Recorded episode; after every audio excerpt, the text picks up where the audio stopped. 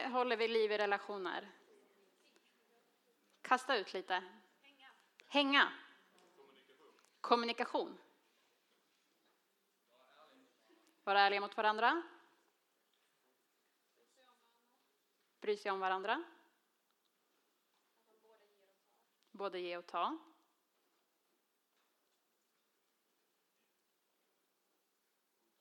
Kontakt.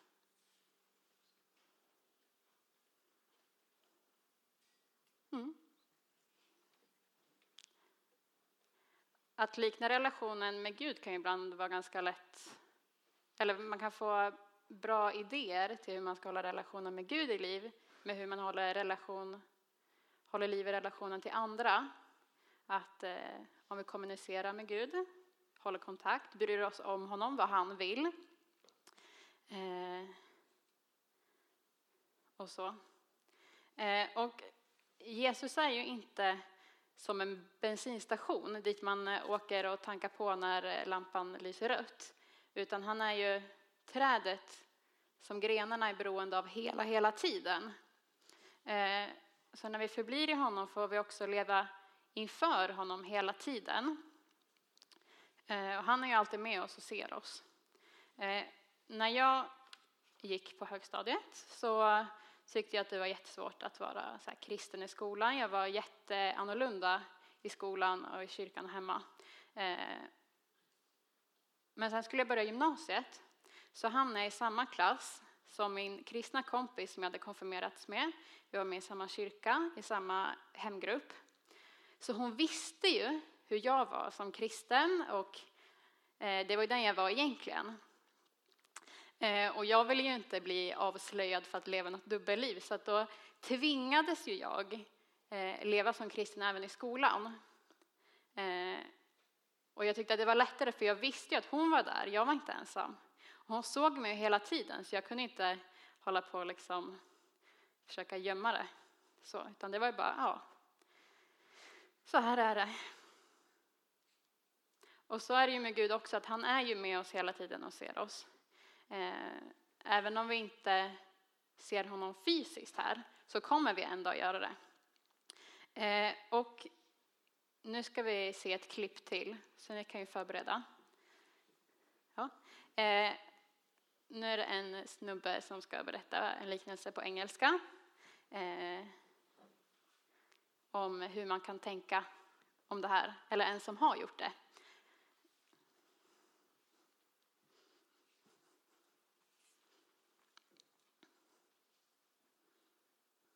Spiritual growth. Finally, let me give you this one uh, illustration of how God is pleased by those who seek his kingdom.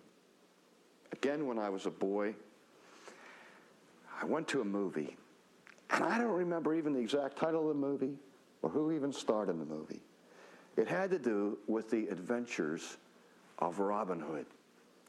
And I don't know whether it was Earl Flynn or Douglas Fairbanks Jr. I think it was Douglas Fairbanks Jr. who played in this particular version where Basil Rathbone uh, was the uh, uh, sheriff of Nottingham. And I saw this magic story of Robin Hood on the, on the screen, and I was captured by it. What a tremendous story. The king of the land, Richard, has to depart and go on a spiritual mission. And while he is gone, his reign and his power and his authority is usurped by wicked Prince John, his younger brother. Now, Robin Hood is loyal to the king, but the king's gone. And so Robin Hood and his men are forced to live out in the woods, finding shelter there in the countryside. And so a price becomes on his head. And we see the conflict throughout the whole story of one who is loyal to a foreign king, to the king who is gone. And he will not submit to the usurper who has supplanted the rightful king. Robin Hood lives to please King Richard, not Prince John. And then at the end of the movie, Sir Richard knights Robin Hood making him the Earl of Locksley because he persevered. Han höll ut. He lived, Robin Hood lived in the presence of his king, under the authority of his king, to the honor and to the glory of his king.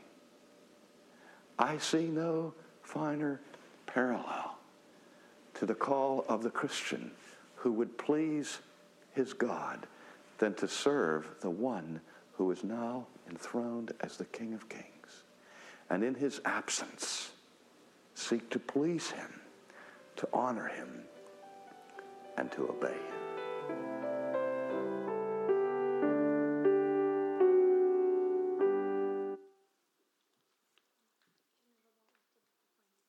Det har jag tänkt. Eh, det var ju en del svåra ord som han använde.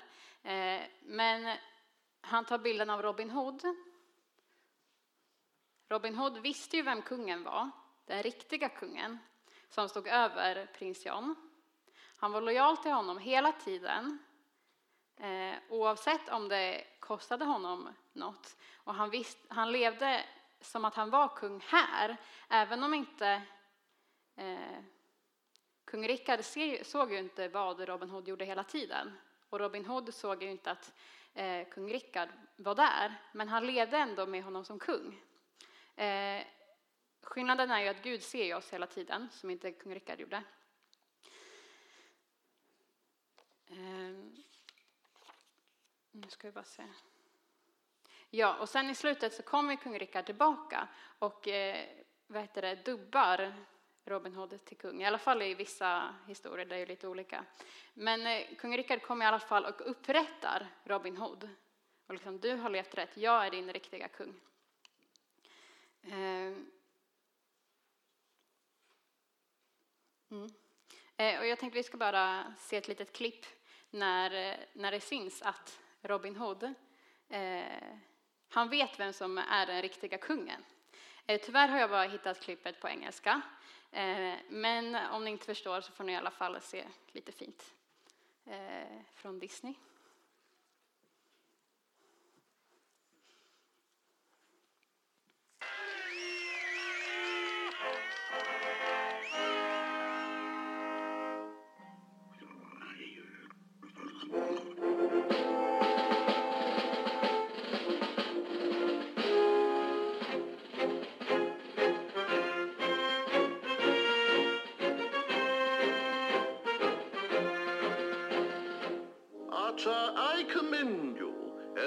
Of your superior skill, you shall get what is coming to you. Our royal congratulations. Oh, thank you kindly, Your Highness. Meeting you face to face, Your High and Mighty, is a real treat. Release the royal fingers. Ah. And now I name you the winner. Or more appropriately,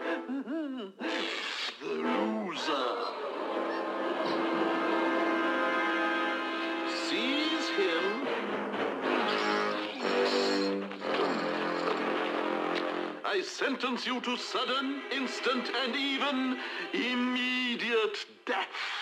Oh no! Oh. Please, please, sire. I beg of you to spare his life. Please have mercy. My dear emotional lady, why should I? Because I love him, Your Highness. Love him? And does this prisoner return your love? Marion, my darling, I love you more than life itself. Ah, young love, your pleas have not fallen upon a heart of stone. The traitors to the crown must die. Traitor to the crown. That crown belongs to King Richard. Long live King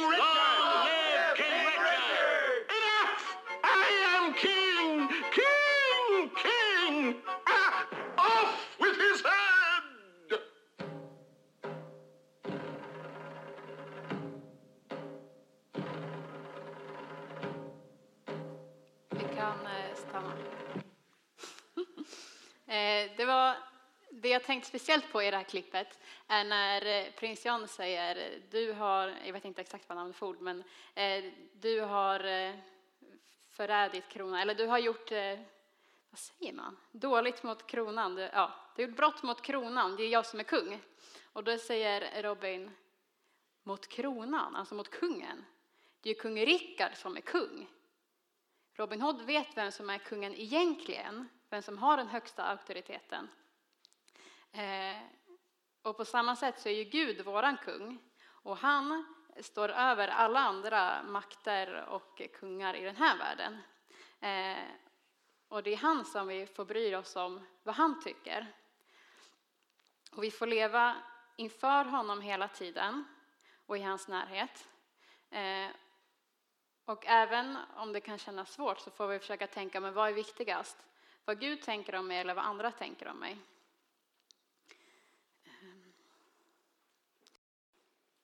Den här eh, delen av undervisningen kommer att bli lite mer praktisk än den förra.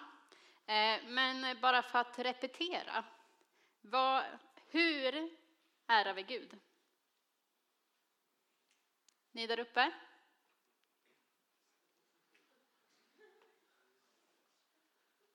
Någon som kommer ihåg? Nej, då går vi tillbaka och kollar.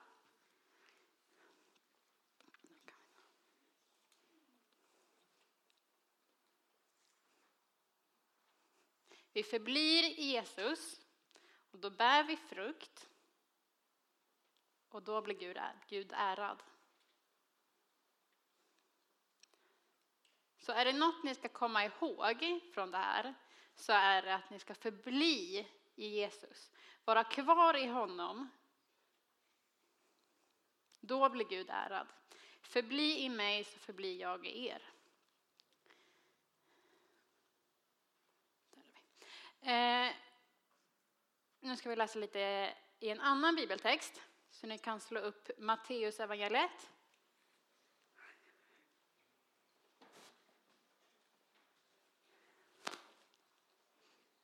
Kapitel 21.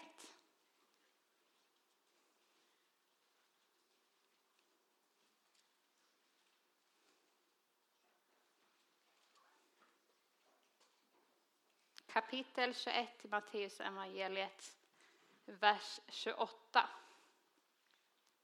Matteus evangeliet 21, 28.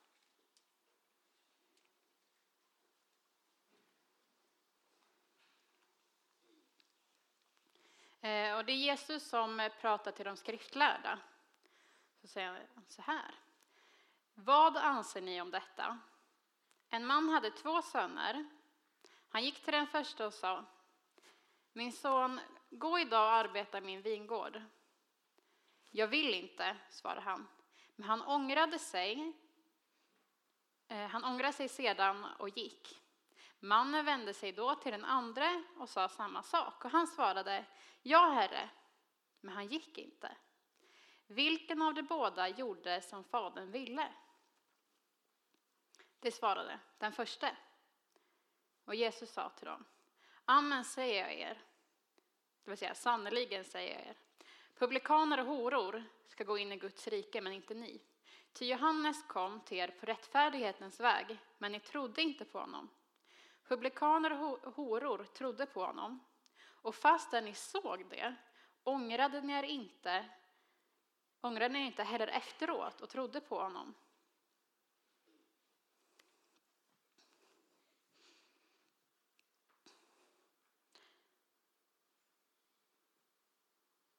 När fadern frågar sina söner så är det inte att han frågar eh, några helt vanliga tjänare utan han frågar sina söner som båda är Eh, då hans barn. Eh, och de representerar delar då av Guds folk. Eh, den första sonen är som Jesus säger publikaner och horor. Och det är de som de skriftlärda tar avstånd ifrån och från deras synd för de är rädda att de ska smittas av synden för att de är så oh. Och den andra sonen är de skriftlärda fariseerna och de som, som eh, såg jätteheliga ut. Ehm, och när Jesus frågar dem, vem av sönerna gjorde Guds vilja? Var det han som sa att han inte skulle göra det? Han skulle inte hjälpa sin far. Men sen så gjorde han det för han ångrade sig. Eller var det han som sa, ja, ja, jag gör det. Men sen gick han aldrig. Och de skriftlärda ser ju direkt att ja, men det är han som gjorde det, för det var han som gjorde Faderns vilja.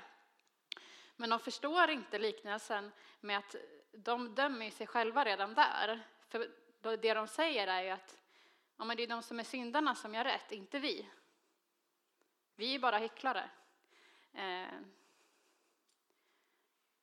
för det som gör att den första sonen eh, gör rätt, gör Guds vilja, det är inte för att han säger nej, utan det är att han ångrar sig och sen så går han och gör det. Medan alltså den första, eller andra sonen bara säger ja, ja, jag gör det, eh, men han gör det ju inte. Och två kapitel senare så säger Jesus om de skriftlärda. Allt vad du lär er ska ni därför göra och hålla, men efter deras gärningar ska ni inte handla. Ty det talar, men det handlar inte. Alltså de skriftlärda, då den andra sonen, visste allt, de vet hur man ska göra, men de gör det inte. Eh, och nu ska vi ha ett klipp. Så ska vi se vad, eh, kommer upp något där? Vad eh, Obama skulle säga om det här.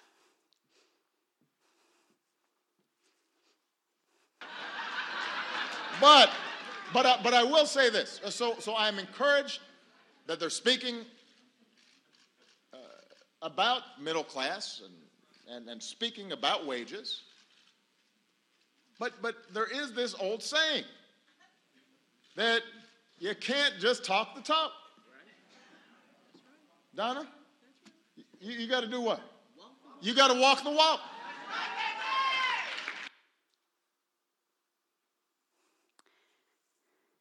Han pratar då om motståndarna som han tycker det är bra att de pratar om allt som behöver fixas. Men så tycker han att men de gör ju inget. You can't just talk the talk, you gotta walk the walk. Eh, för några, eller en del somrar så har jag jobbat som städare. Eh, så jag vet en del om hur man städar. Eh, och när min syster hade flyttat hemifrån och jag var hälsa på henne så kollade jag ju, jag är ju lilla syster, så då gick jag och kollade och var så här, oh, här är det inte städat, åh oh, vad äckligt, du måste ju göra så här för att det ska bli rent. Eh, sen några år senare flyttade jag hemifrån. Jag hade mycket mer stökigt än vad hon hade och mycket äckligare. Eh, och när jag insåg det så kände jag mig så dum för att jag hade ju, jag visste hur man städade. Och jag försökte placka på det på min syster, bara, du måste göra så här, åh du är så dålig. Men sen själv så har jag liksom, gör jag ingenting. Eh, och jag, jag vill ju ha ett rent hem, men liksom i stunden så vill inte jag städa. Men liksom i det långa loppet, ja då vill jag, men nu vill jag inte. Jag känner inte för det, eller nej, jag tar det imorgon och sånt där. Och så kan det ju vara med att göra Guds vilja också. Att ja, jag vill göra det. Jag vill leva som Gud vill. Men mm, kanske inte just idag. Och nej, men eh, då kommer de ju tycka att jag är konstig och sånt där. Um, men you can't just talk the talk, you gotta walk the walk.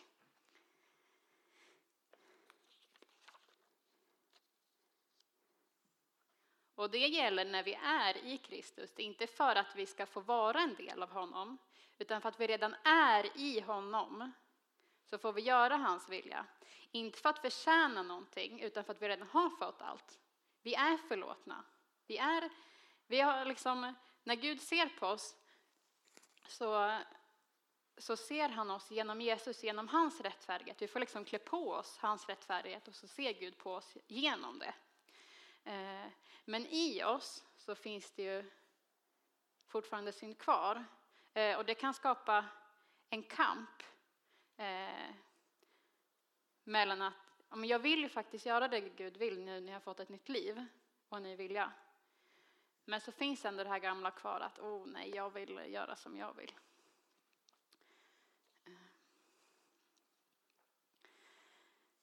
Men just den kampen ska vi inte prata om nu, utan vi ska prata om hur Gud vill att vi ska leva.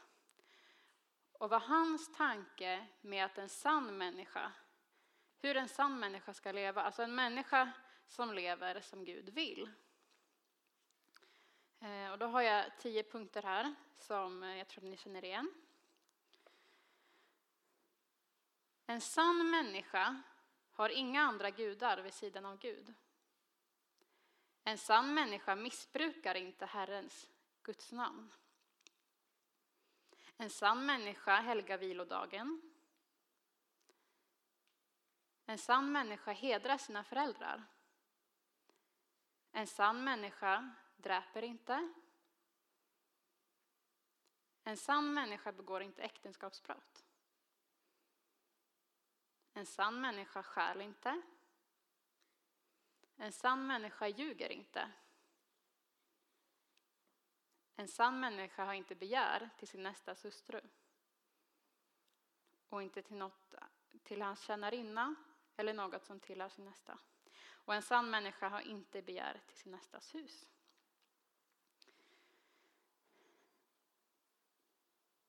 Och det är så Gud vill att vi ska leva. Det är de tio budorden som han har gett, gav till Moses på berget. Ehm, och det är ju bra saker, men ibland så kan det kännas svårt att veta hur man ska göra det rent praktiskt kanske. Eh, och vi ska försöka prata lite mer om det nu. Ehm, men jag vill bara påminna igen om att vi gör inte saker för att behaga Gud, eller liksom för att han ska, eller han blir behagad, men han, vi kan inte göra något för att han ska älska oss mer eller mindre. Vi är i Jesus, vi är förlåtna, vi är älskade. Vi får inga pluspoäng inför Gud när vi gör hans vilja. Utan vi får göra det för att vi redan är i honom och inte för att vi ska bli i honom. Jag kommer ta fyra punkter nu, eller fyra exempel eh, på hur jag tänker att man i vardagen kan, eh, kan eh, ära Gud. Eh, och det är ingen rangordning eller att det här är de fyra bästa eller så. Och efter det så kommer ni få prata med varandra och försöka komma på fler sätt. Och det första jag har tänkt på är att vara trogen i det lilla. Nej, det här syns ju inte.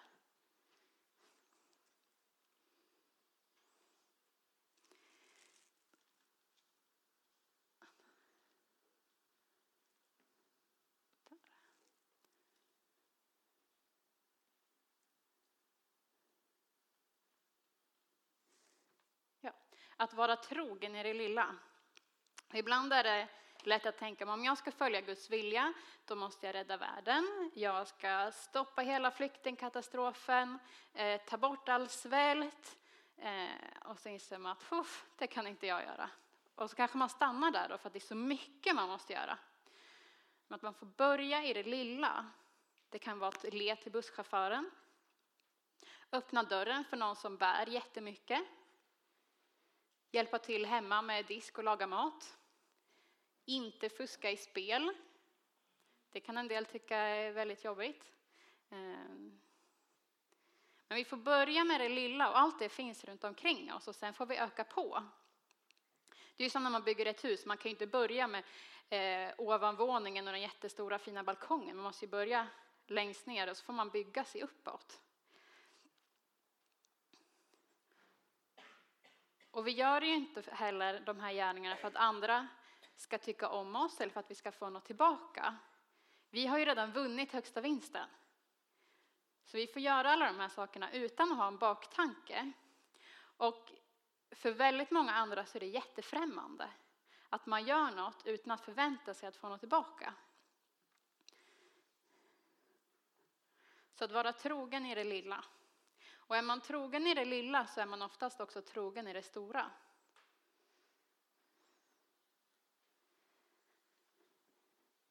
Nästa punkt är att inte stjäla tid eller saker. Ehm. Och då tänker jag till exempel på om man, eh, om man jobbar. Det är kanske en del som har haft sommarjobb. Eh, att man då sköter sitt jobb. Man tar inte längre raster bara för att de andra gör det, för då stjäl man ju tid från företaget. Ehm. Eller så om man är i skolan, fått låna en sån här stor fancy miniräknare och så eh, fråga inte läraren efter att få den tillbaka, men att då ändå lämna tillbaka den, för det är inte min. Eh, och göra det oavsett om läraren märker det eller inte. Eh, nu i sommar har jag jobbat och på den arbetsplatsen så var kulturen att alla satt kvar lite längre på varje rast. Att jo, men vi sitter här i 45 minuter istället för 30 minuter. Vi lägger in en extra rast här eller vi går och köper mat på arbetstid. Och då får man ju betalt för massa saker som man inte har gjort för att man har haft rast istället. Eh, men de tyckte att ja, men det är ju lugnt och chefen ser ju inte det och så. Eh, och där fick jag verkligen öva på att försöka göra rätt för mig. Det var, jag säger allt, inte alls att jag lyckades så bra, men jag försökte att okej, okay, men nu har jag haft min rast, nu ska jag gå och jobba. Eller att nej, men nu tar inte jag en extra paus när de andra gör det. Ehm, och vi var tre sommarjobbare på det här jobbet. Och de andra två tyckte att det var rätt jobbigt, för de förstod ju då att de ser dåliga ut i jämförelse med mig. Så då tyckte de, nej men eh, du, du kan inte gå än, då ser vi dåliga ut. Eh, och så. Eh, och ibland var det jobbigt. Jag vill att dels att skapa en konflikt och när man jobbar, det är jätteskönt att sitta och dricka kaffe. Jag vill inte gå iväg och jobba liksom. Eh, men att då ändå försöka, försöka eh, göra rätt för sig. Eh, det är ett sätt att inte stjäla tid. Och det är också ett stort vittnesbörd för de andra. För man visar att det är inte chefen på den här arbetsplatsen som är min herre, utan det är Gud. Det viktiga är inte om chefen ser att jag gör allt. Och när han kollar bort så kan jag göra vad jag vill. För Gud ser ju mig hela tiden.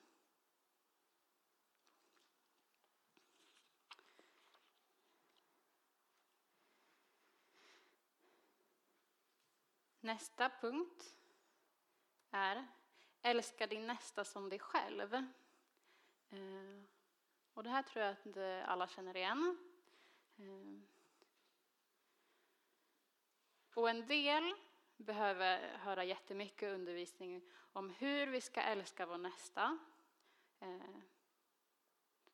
Medan för andra så behöver vi få höra hur man älskar sig själv.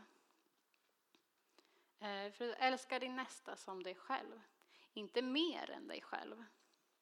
Eh, och det här kanske kan vara lite konstigt i ett så självcentrerat samhälle. Och jag menar inte att vi bara ska kolla på oss själva och liksom sätta oss i första hand hela tiden. Men vi ska inte heller utplåna oss själva och hela tiden eh, säga ja till alla andra och bara köra på. Eh, utan vi måste också älska oss själva. För jag är också Guds barn. Jag behöver också omsorg och omtanke och kärlek. Eh, det är lite som när man flyger när de eh, har den här genomgången i början och pratar om syrgasmaskarna. Sätt först på dig din egen mask och hjälp sedan andra.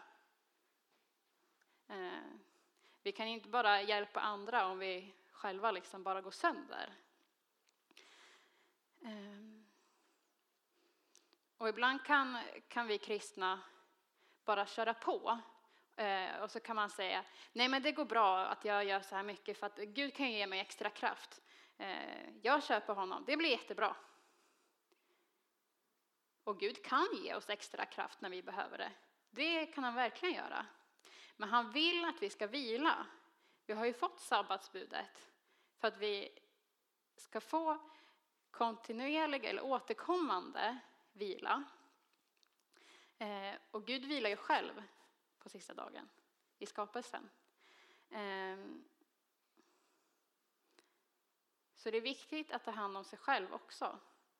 Och det här säger jag främst till er som har, eh, som har svårt med att eh, ta hand om er själva och bara fokusera på andra. Till er som redan fokuserar på er själva så kan ni tänka mer på att ni ska älska er nästa. Och jag brukar tänka på Panetos. Dansa och sen pausa. Man kan inte dansa hela tiden, man måste pausa också.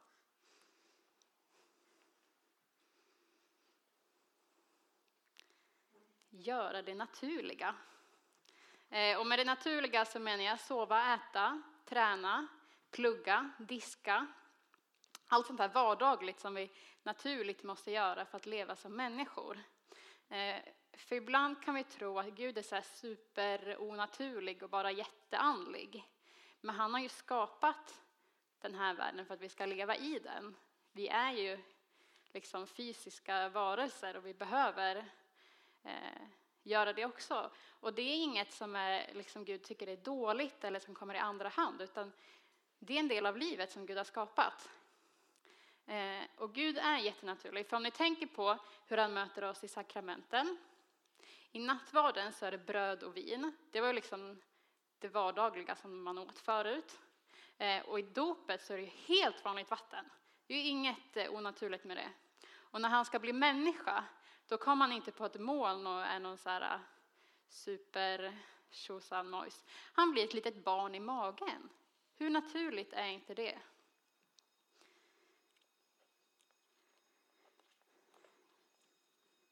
Så mina fyra punkter eh, på hur vi rent konkret i vardagen kan ära Gud med våra liv är att vara trogen i det lilla, inte stjäla tid eller saker, älska din nästa som dig själv, ni vet dansa, pausa, göra det naturliga.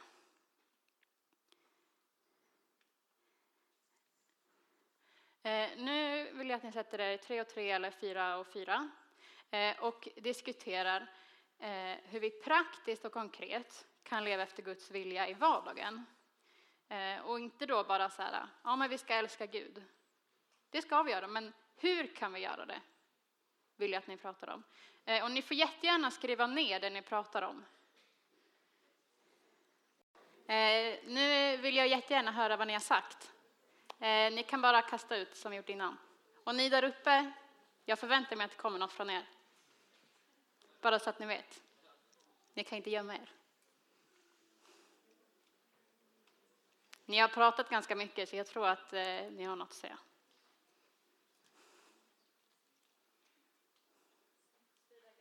Sprida glädje. Ta hand om skapelsen. Handla med kärlek. Vad sa du? Läsa Bibeln. Jättebra. Utveckla sig själv. När man borstar tänderna. Vänta, säg det igen. Det är fantastiskt. När man borstar tänderna så kan man be att Gud leder en under dagen. Förvalta sina gåvor. Vad sa du? Be? Ja, när man dör tid så kan man be. Mm, skitbra.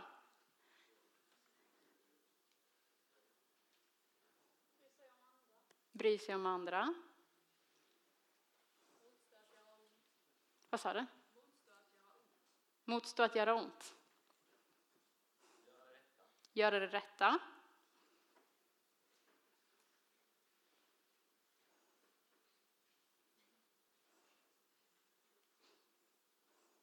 Är det någon som har sagt eh, att vara kreativ och skapa? Ja, vad bra. För att vi visar ju på Gud genom att vara som honom och han skapar och han är kreativ.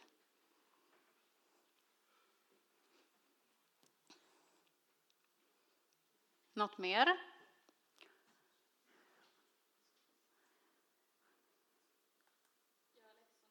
göra läxorna. Jättebra Malin, som ska bli lärare.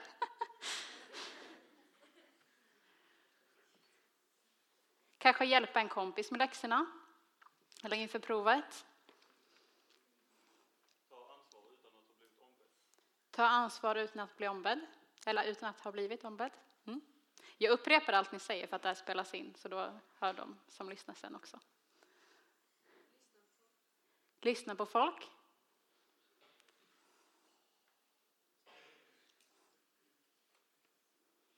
Mm. Ni, ni vet ju ändå en del vad man kan göra. Eh, och det kan ni också fortsätta att prata om sen, eh, hur man kan göra. Eh, att spela fotboll är också att ära Gud. Vi får inte tänka att ära Gud är bara det här eh, står och sjunger lovsång och prisar Gud och läser Bibeln. Det är att ära Gud. Men det finns så mycket annat som också är Gud.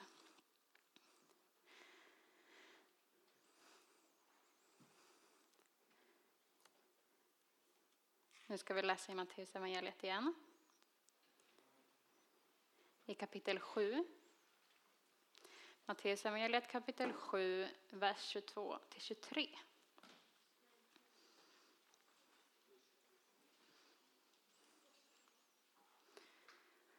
Kapitel 7, vers 22. Och det här är en, liten eller en text som eh, det finns många som tycker är lite jobbig. Ehm, så den ska vi ta. Och det är fortfarande Jesus som pratar.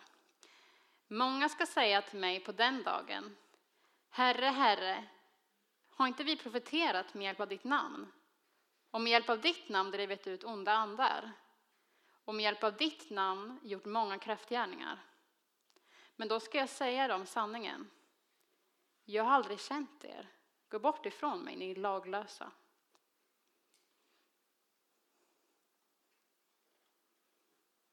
Då kan det ju vara lätt att tänka, jaha, men de här personerna, de har gjort massa, de har profeterat, de har drivit ut onda andar, de har gjort massa kraftgärningar i Jesu namn. Och Jesus säger att han inte känner dem. Men ser ni vad det är de gör? Som gör att Jesus säger att de inte känner dem. Han är, ja. Herre, Herre, har inte vi profeterat? Har inte vi gjort allt det här bra? De ser bara på sig själva istället för att säga Herre, du har dött för min skull och jag får ta emot din rättfärdighet.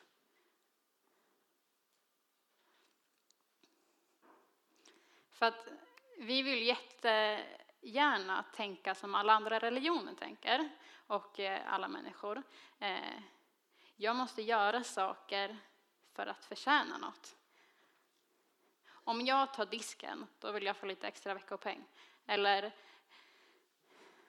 ja, men om jag gör något så vill jag alltid få något tillbaka. Och att liksom, ja men jag har gjort allt det här, hur ska jag inte kunna komma in i himmelriket? Men vi kan inte göra något för att komma in i himmelriket av oss själva. För i Efesierbrevet står det, ty av nåden är ni frälsta genom tron.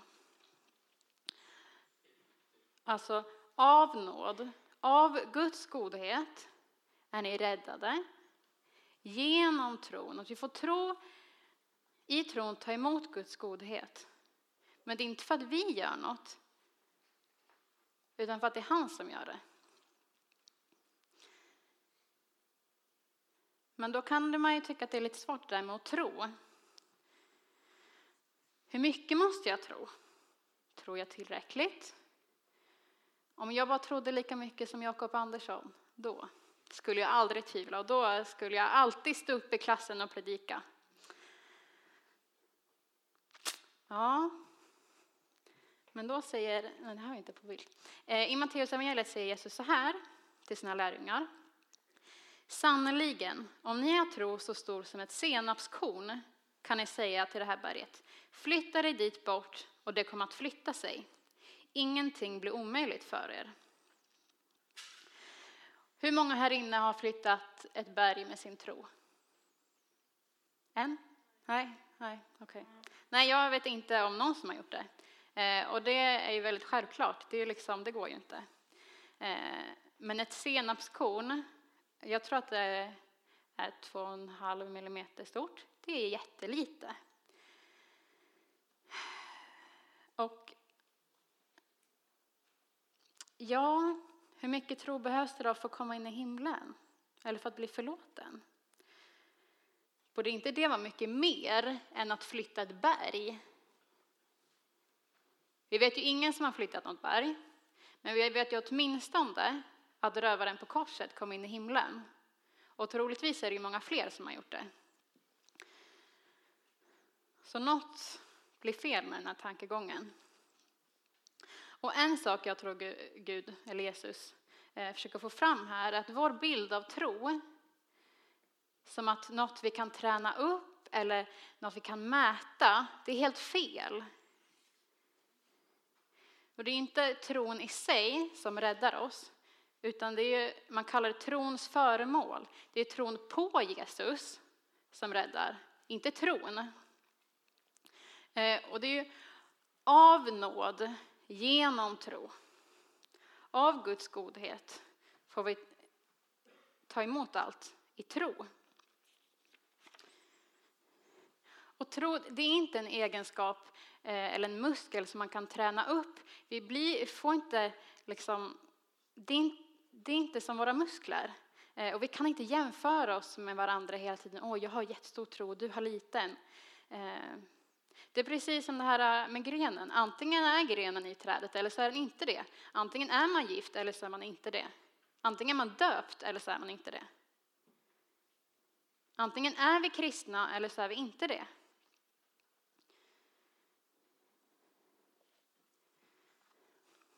Så alla sådana här tankar som vi kan få om att jag inte kan, eller om jag bara trodde sådär mycket, eller om jag hade de där vännerna, eller om jag bara läste Bibeln varje dag, då.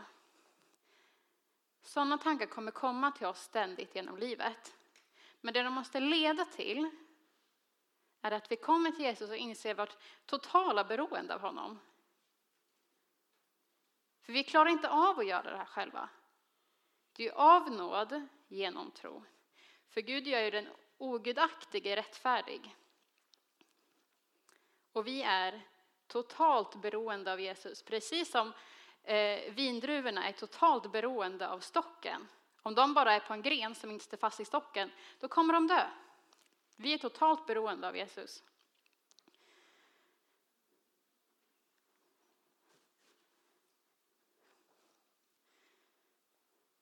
Nu ska jag försöka sammanfatta vad jag har sagt. Eh, och det viktigaste är, kommer ni ihåg det? Vad ni ska komma ihåg från det här passet? Förbli, yes! Förbli i Jesus. Det är så vi ärar Gud, genom att förbli i honom. Och Gud är inte en bensinstation där vi kommer och tankar och sen åker vi iväg och sen oj nu blev det dåligt, nu kommer jag tillbaka. Vi är hela tiden i Gud. Vi lever inför honom. Som Robin Hood, eh, han vet vem som är kung. Och you can't just talk the talk, you gotta... Yes! Och vi gör det inte för att förtjäna något, utan för att vi redan är i honom. Vi har redan fått allt. Det står i Efesierbrevet att vi har fått all den, himmels, nej, all den himmelska världens andliga välsignelse, typ. Ja, du nickar. Bra. Eh, och Gud gör den ogudaktige rättfärdig. Alltså den som inte är som Gud gör han rättfärdig. Och det är han som gör det. Av nåd genom tro.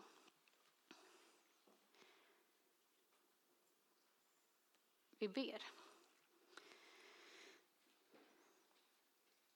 Tack Herre för att vi inte kan göra något för att du ska älska oss mer eller mindre. Tack för att vi är i dig och att du blir ärad av att vi förblir i dig. Jag ber att du ska påminna oss om vad du har gjort för oss och vilka vi är i dig. Hjälp oss också att komma ihåg att göra din vilja och inte bara prata om det.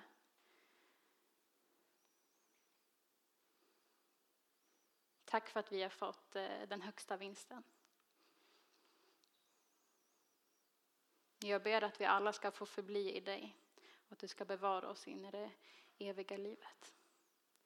I Jesu namn. Amen.